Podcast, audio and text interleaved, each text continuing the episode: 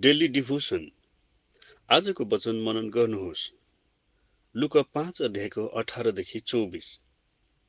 मानिसहरूले एउटा पक्षघाती मानिसलाई खाटमा ल्याएर तिनीहरूले त्यसलाई भित्र ल्याउन र उहाँको अगाडि राखिदिन खोजे।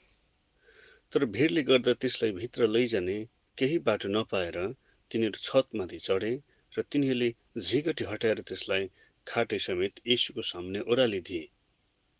अनि उहाँले तिनीहरूको विश्वास देखेर भन्नुभयो ए मानिस तिम्रो पाप क्षमा भयो।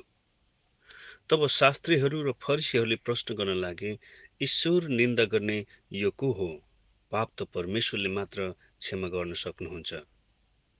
तर यसुले तिनीहरूको प्रश्न थाहा पाएर तिनीहरूलाई जवाब दिनुभयो तिम्रो आफ्ना हृदयमा किन प्रश्न गर्दछौ? तिम्रो पाप क्षमा भयो भन्नु कि उठेर हिँड भन्नु कुन चाहिँ सजिलो छ? तर मानिसको पुत्रलाई पृथ्वीमा पाप क्षमा गर्ने अधिकार छ भन्ने तिमीहरू जान।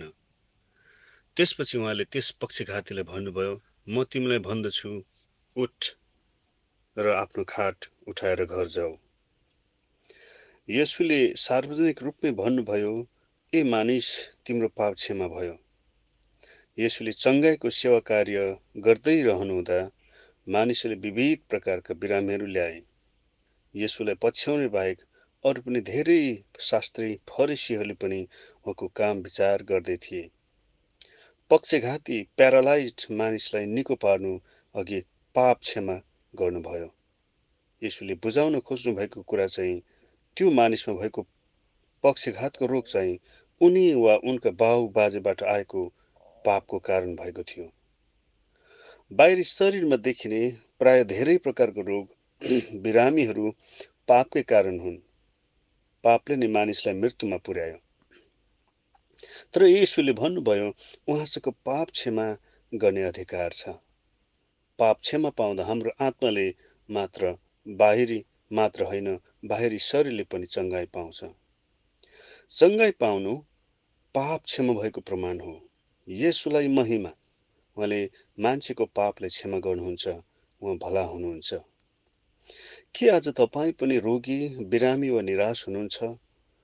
प्रभुको प्रभुको वचन विरुद्ध काम गरेकोले ग्लानी वा हिंताबोध गर्दै जिउँदै हुनुहुन्छ? यसु कहाँ आउनुहोस्?